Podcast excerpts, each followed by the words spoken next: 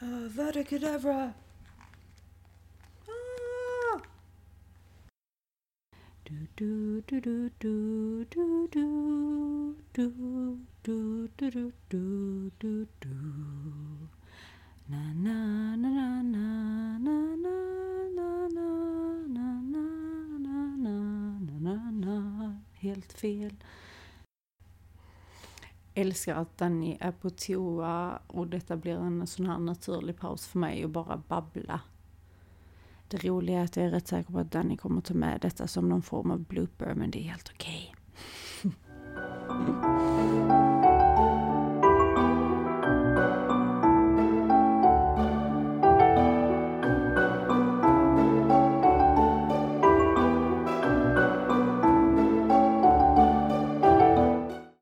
Jag har suttit och försökt nynna på Harry Potter-låten, alltså du vet intromusiken, och inser att jag kan inte ens göra det för att jag är så tondöv så det är helt sanslöst.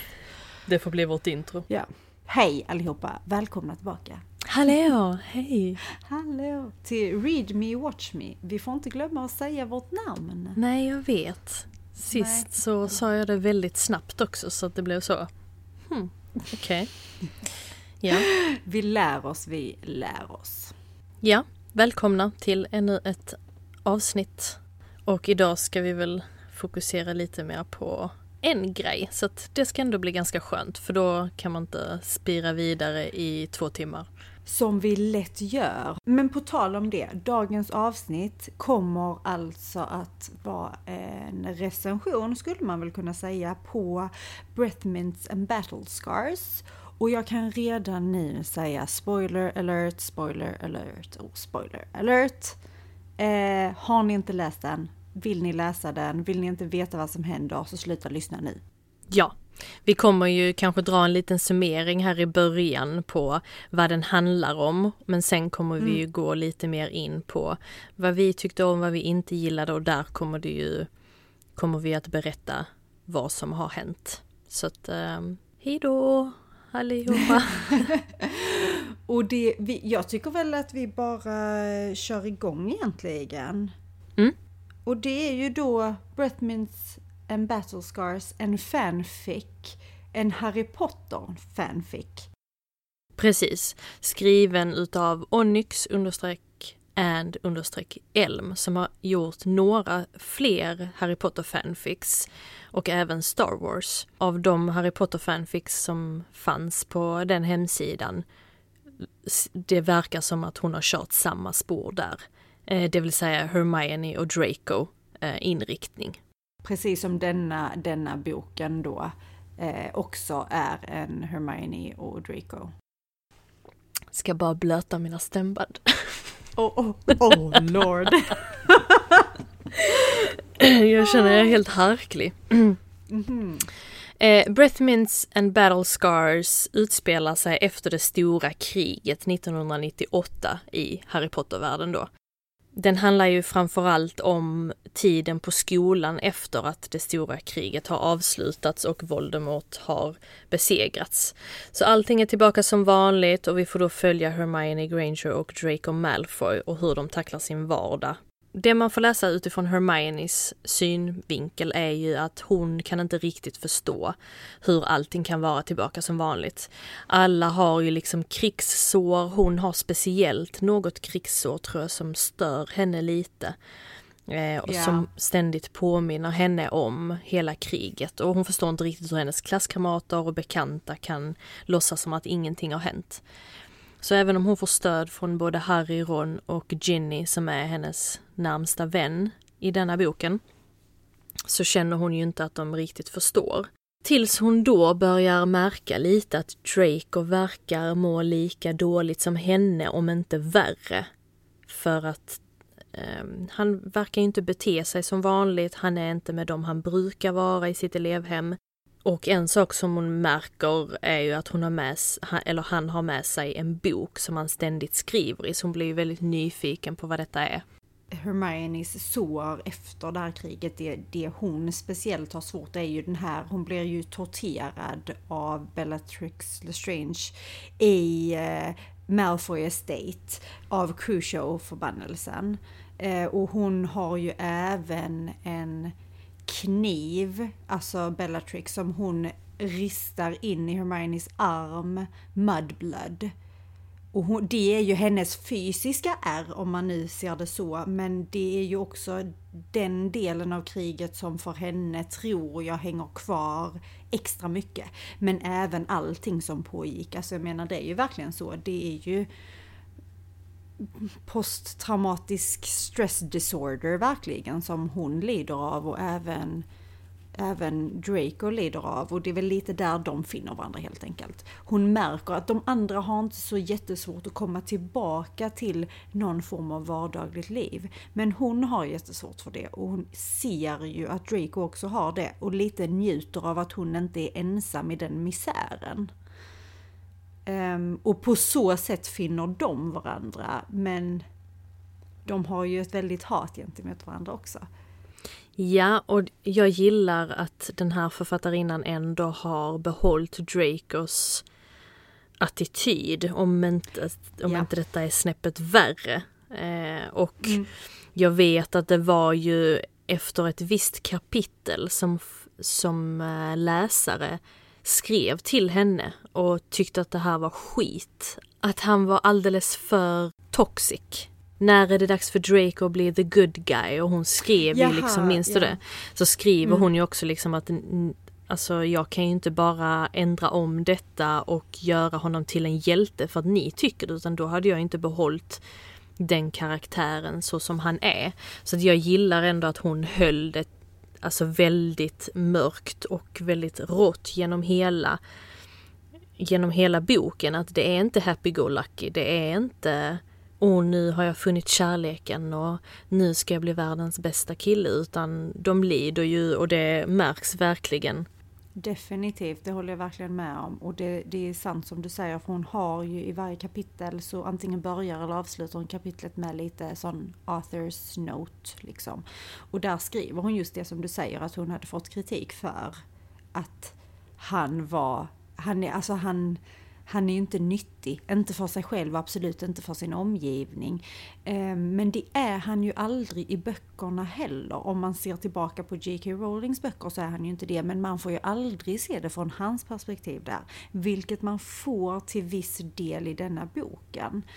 Ehm, och det är ju ännu mörkare, för jag menar om man tänker det han har visat utåt tidigare såklart så är det ett ännu djupare mörker inom honom som gör att han är som han är.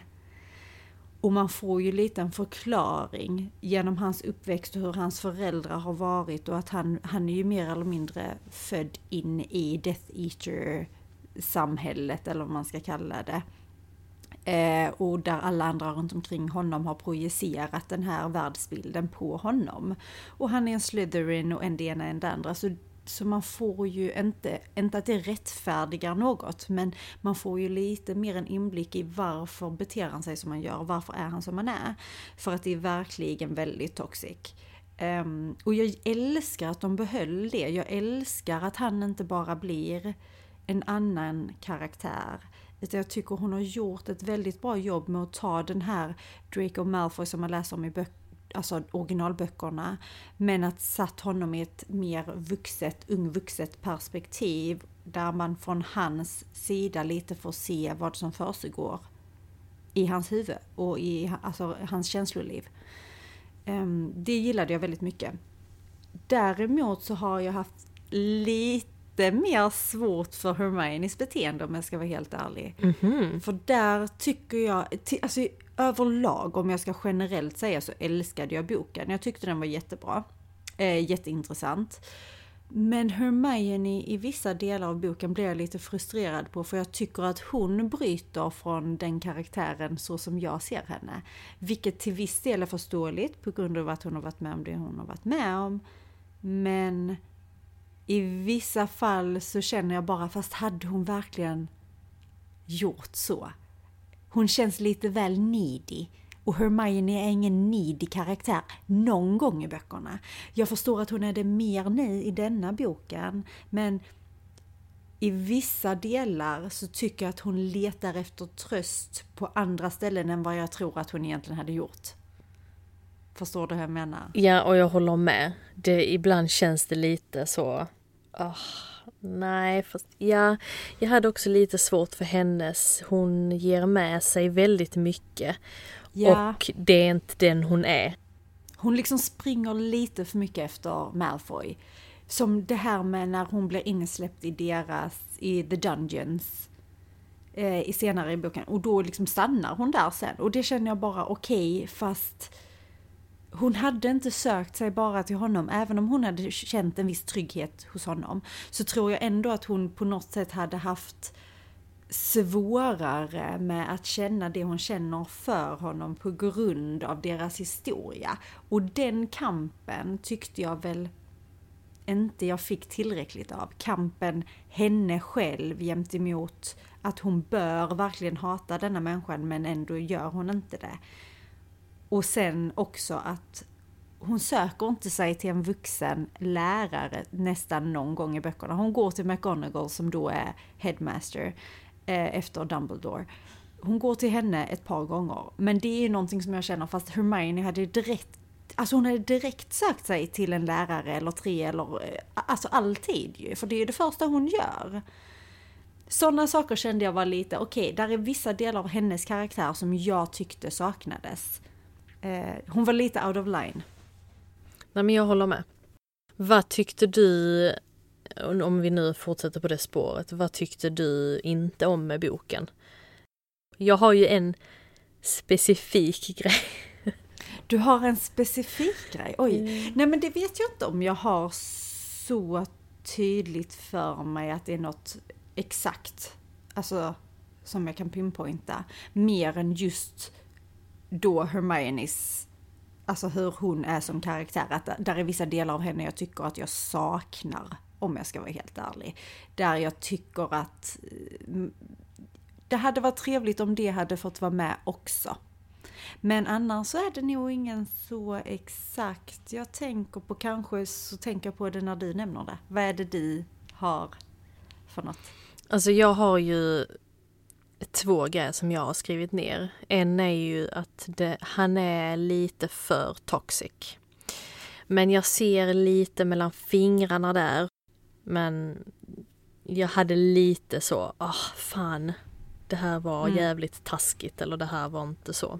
Och den andra grejen var ju egentligen att hon förlorade sin oskuld i en sjukhussäng och sen att han bara sticker. Alltså okej okay, att det inte ska vara rosor och fjärilar och hela balletten men du vet han har precis det var någonting, han hade skadat sig eller vad var det? Han har ju försökt skära bort sitt deathmark. Just eller det, det ja. dödsätarmärket liksom. Men försökte inte hon hjälpa honom eller är det senare i boken med att det fixa till senare, det? senare, men hon hjälper honom där också. Det är ju typ så att det där, eh, hans sånt mark har ju börjat, alltså det har ju typ inte möglat Nej, men, ungefär. ja, alltså det har blivit helt så infested och sjukt och, och, så. Så att han, blir, han är ju sjuk, alltså riktigt sjuk på grund av det.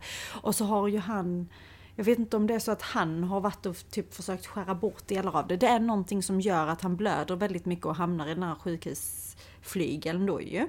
Och så ska ju, vad är det hon heter, Madame Pomfrey? Heter hon det? Jag tror det ja. Mm. Hon som jobbar i sjukhusflygen, jag kan ha fel på namnet men jag tror det är Madame Pomfrey. Hon anser ju att det enda vi kan göra är att amputera armen för att eh, ingen magi biter på det för att det är ju så här dark magic som de inte kan göra någon inverkan på. Så därför så ska de ju amputera hans arm men Hermione säger ju stopp till det i sista sekund och på något sätt typ läker det. Jag förstår alltså jag vet inte riktigt, jag vet inte om jag riktigt förstod vad det var som hände där. Eller så är det bara att jag inte minns det riktigt för att det händer så mycket annat efter. kan vara det med. Um, men så du opponerar dig mot det? Gillar inte det.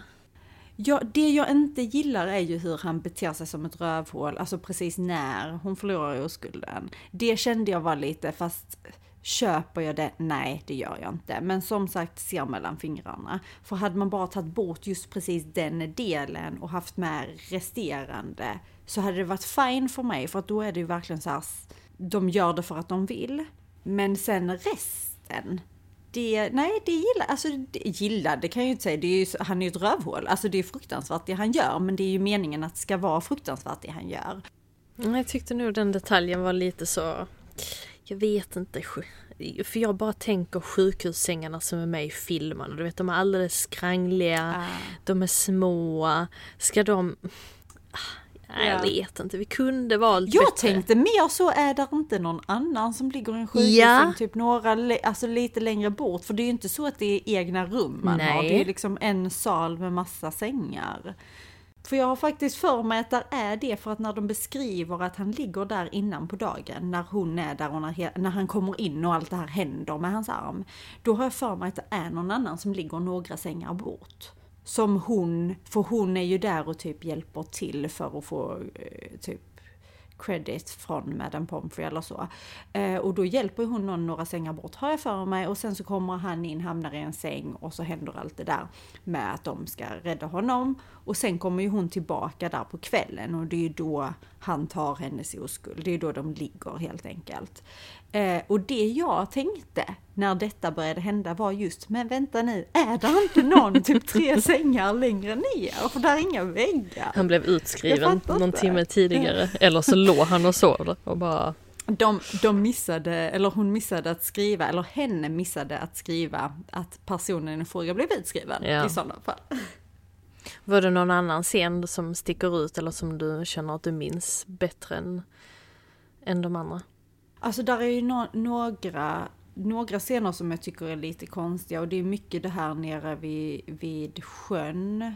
Och att han hela tiden badar i sjön för, för att hålla sig kall för att det gör att han inte mår lika dåligt av sitt märke då. då. Och det köper jag, jag köper det konceptet. Men jag tycker samtidigt att det blir lite så här varför går han och badar i sjön med kläderna på? Varför lägger han inte, alltså varför gör han inte bara någon besvärjelse för att hålla sig nerkyld. Det gör han nog det också, men ändå går han och badar i sjön med kläderna på. Där är vissa sådana grejer som jag har lite svårt att se varför det finns med. Jag vet ju varför det finns med. Det är ju för att de naturligt, alltså ska ha ett naturligt ställe att träffas på. För det är mycket där deras tidiga interaktioner sker. Um, men det, där är vissa sådana grejer som jag har lite svårt att bara köpa. Vad tycker du om slutet om vi nu ska hoppa dit? Alltså jag gillade ändå. Jag tyckte ändå det var Det var ändå nice för att Draco slutar ju, han flyttar väl ut och avsäger sig hela trollvärlden eller något sånt. Han lämnar ju hela eh, trollkarlssamhället eh, och den hela magiska eh, världen och lever som mugglare för att för att slippa undan sitt förflutna för sig själv, men också för att slippa ta konsekvenserna av allt det som händer i den här sista striden när de här, eh, vad heter han, Dalish, heter han så? Han Aur Auroren, jag vet inte hur man säger det på svenska, The Aura, Aura? The Aura? The Aura från eh, ministeriet. Mm. De försöker ju sätta dit de här dödsätarungarna som är Draco och Not och Pansy och alla de andra. Bara för att de tycker att de ska sona för vad de har gjort fastän de har blivit frikända i... Eh, oh gud, vad heter det där på ministeriet? Du vet, framför hela den... Amen. Alltså där de blir dömda när de sitter i den lilla, i lilla buren. Ja, typ domstolen som är på ministeriet. Men de har ju Wissengamot, Wissengamot, hela dem. De heter det, de här dom... Hur kan du detta? Därför jag har precis läst boken. um, och eftersom de då friar dem alltså de inte dömer dem till Azkaban utan de får lite andra påföljder på, tack vare Hermione för hon står ju upp för alla från Slytherin där. Och då tycker ju Darlish och alla de här andra aurorerna att de ska ändå betala sitt straff typ. Stå för det och därför lurar ju de in dem i Draco Estate eller Malfoy Estate och ska ja, får det se ut som att de har skadat eller dödat Hermione för att de ska få betala. Och allt det som händer där innebär ju i slutändan att Draco och alla de andra får ju döda massa av de här aurorerna för att ta sig ut därifrån levande.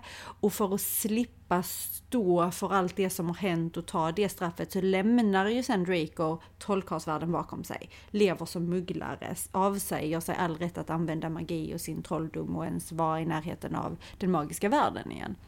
Så därför slutar det ju med att han lever som en mugglare. Det däremot har jag lite synpunkter på, det där sista...